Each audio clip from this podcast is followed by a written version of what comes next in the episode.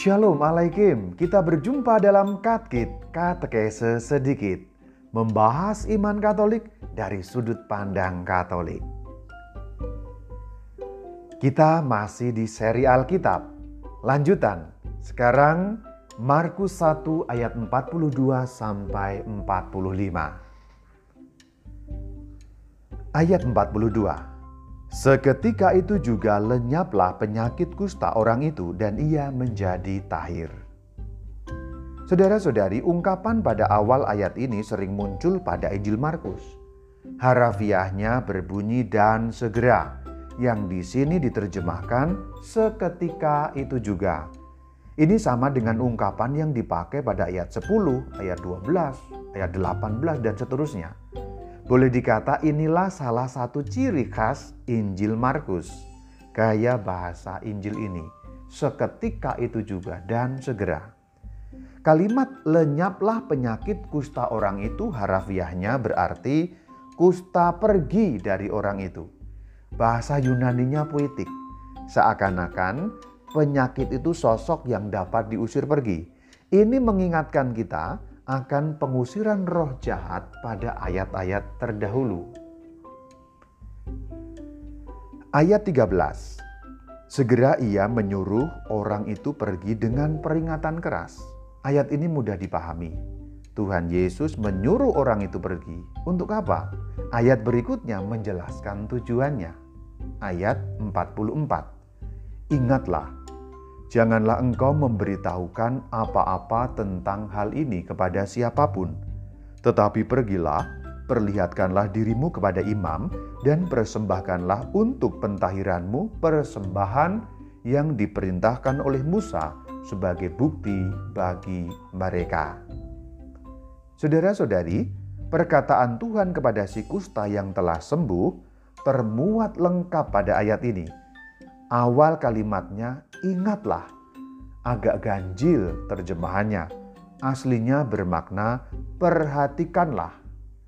Orang itu diminta melaksanakan sungguh-sungguh apa yang dikatakan Tuhan Yesus selanjutnya yaitu jangan menceritakan kejadian baru saja kepada siapa pun juga. Orang itu tak boleh bercerita mengenai kisah penyembuhannya. Ini hal pertama yang perlu dilakukannya. Tutup mulut rapat-rapat. Diam seribu bahasa. Ayat ini tidak menjelaskan apa maksud Tuhan melarang seperti itu. Mungkin Tuhan tak mau pamer kebolehan. Juga Tuhan Yesus tak ingin dikenal sebelum waktunya tiba. Lagi pula kalau cepat terkenal, nanti Tuhan Yesus cepat menarik perhatian para pemuka umat Yahudi, juga para pemimpin masyarakat bisa muncul kehebohan yang tidak perlu. Kira-kira demikian tafsiran yang dapat kita pikirkan. Selanjutnya orang itu disuruh pergi kepada imam. Itu langkah yang harus ditempuh oleh seseorang yang sembuh dari kusta agar ia dinyatakan bersih dari kenajisannya dan diperbolehkan ikut serta kembali dalam peribadatan juga diperkenankan bergaul secara leluasa dengan orang lain. Tata cara itu diatur dalam kitab Imamat bab 14 ayat 1 sampai 32. Menghadap imam perlu sekali untuk memastikan kesembuhan dan mengembalikan orang itu kepada martabat sosial dan martabat ritual. Pernyataan sembuh dari kenajisan ternyata perlu disertai kurban. Menurut Imamat 14 ayat 1 sampai 7, kurban untuk kepentingan itu sendiri terdiri atas dua ekor burung, satu disembelih, satu dilepas. Begitulah bukti yang harus dikemukakan agar orang-orang yakin bahwa si kusta telah sembuh. Menghadap imam, dipastikan tahir, lalu berkurban. Aha, bebaslah ia dari aib karena sakit kustanya itu. Ia bebas beribadat, ia bebas bergaul. Lega. Ayat 45. Tetapi orang itu pergi memberitakan peristiwa itu dan menyebarkannya ke mana-mana sehingga Yesus tidak dapat lagi terang-terangan masuk ke dalam kota. Ia tinggal di luar di tempat-tempat yang sepi. Namun orang terus juga datang kepadanya dari segala penjuru.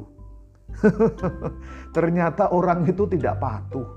Ia tidak melaksanakan petunjuk Tuhan. Ia justru pergi kepada orang-orang alih-alih kepada imam. Ia bahasa sekarangnya memviralkan memviralkan kejadian yang dialaminya tadi. Ayat ini harafiahnya berbunyi, ia mulai memberitakan banyak dan menyebarkan perkataan. Maknanya, orang itu bercerita kepada siapa saja yang ia temui tentang penyembuhannya oleh Tuhan Yesus. Terus-terusan ia melakukan itu terus lagi, terus dan lagi menyebar kabar itu. Akibatnya, Tuhan Yesus tidak bisa terang-terangan masuk kota. Kenapa? Karena beliau akan segera menarik perhatian seperti selebritas, seperti artis, langsung dikerubungi orang-orang. Berita yang tersebar cepat dan berita yang meluas membuat orang-orang Galilea begitu bersemangat untuk berjumpa dengan Tuhan Yesus. Mereka seperti ngefans kepada Tuhan Yesus. Demikian penjelasan Markus 1 ayat 42 sampai 45.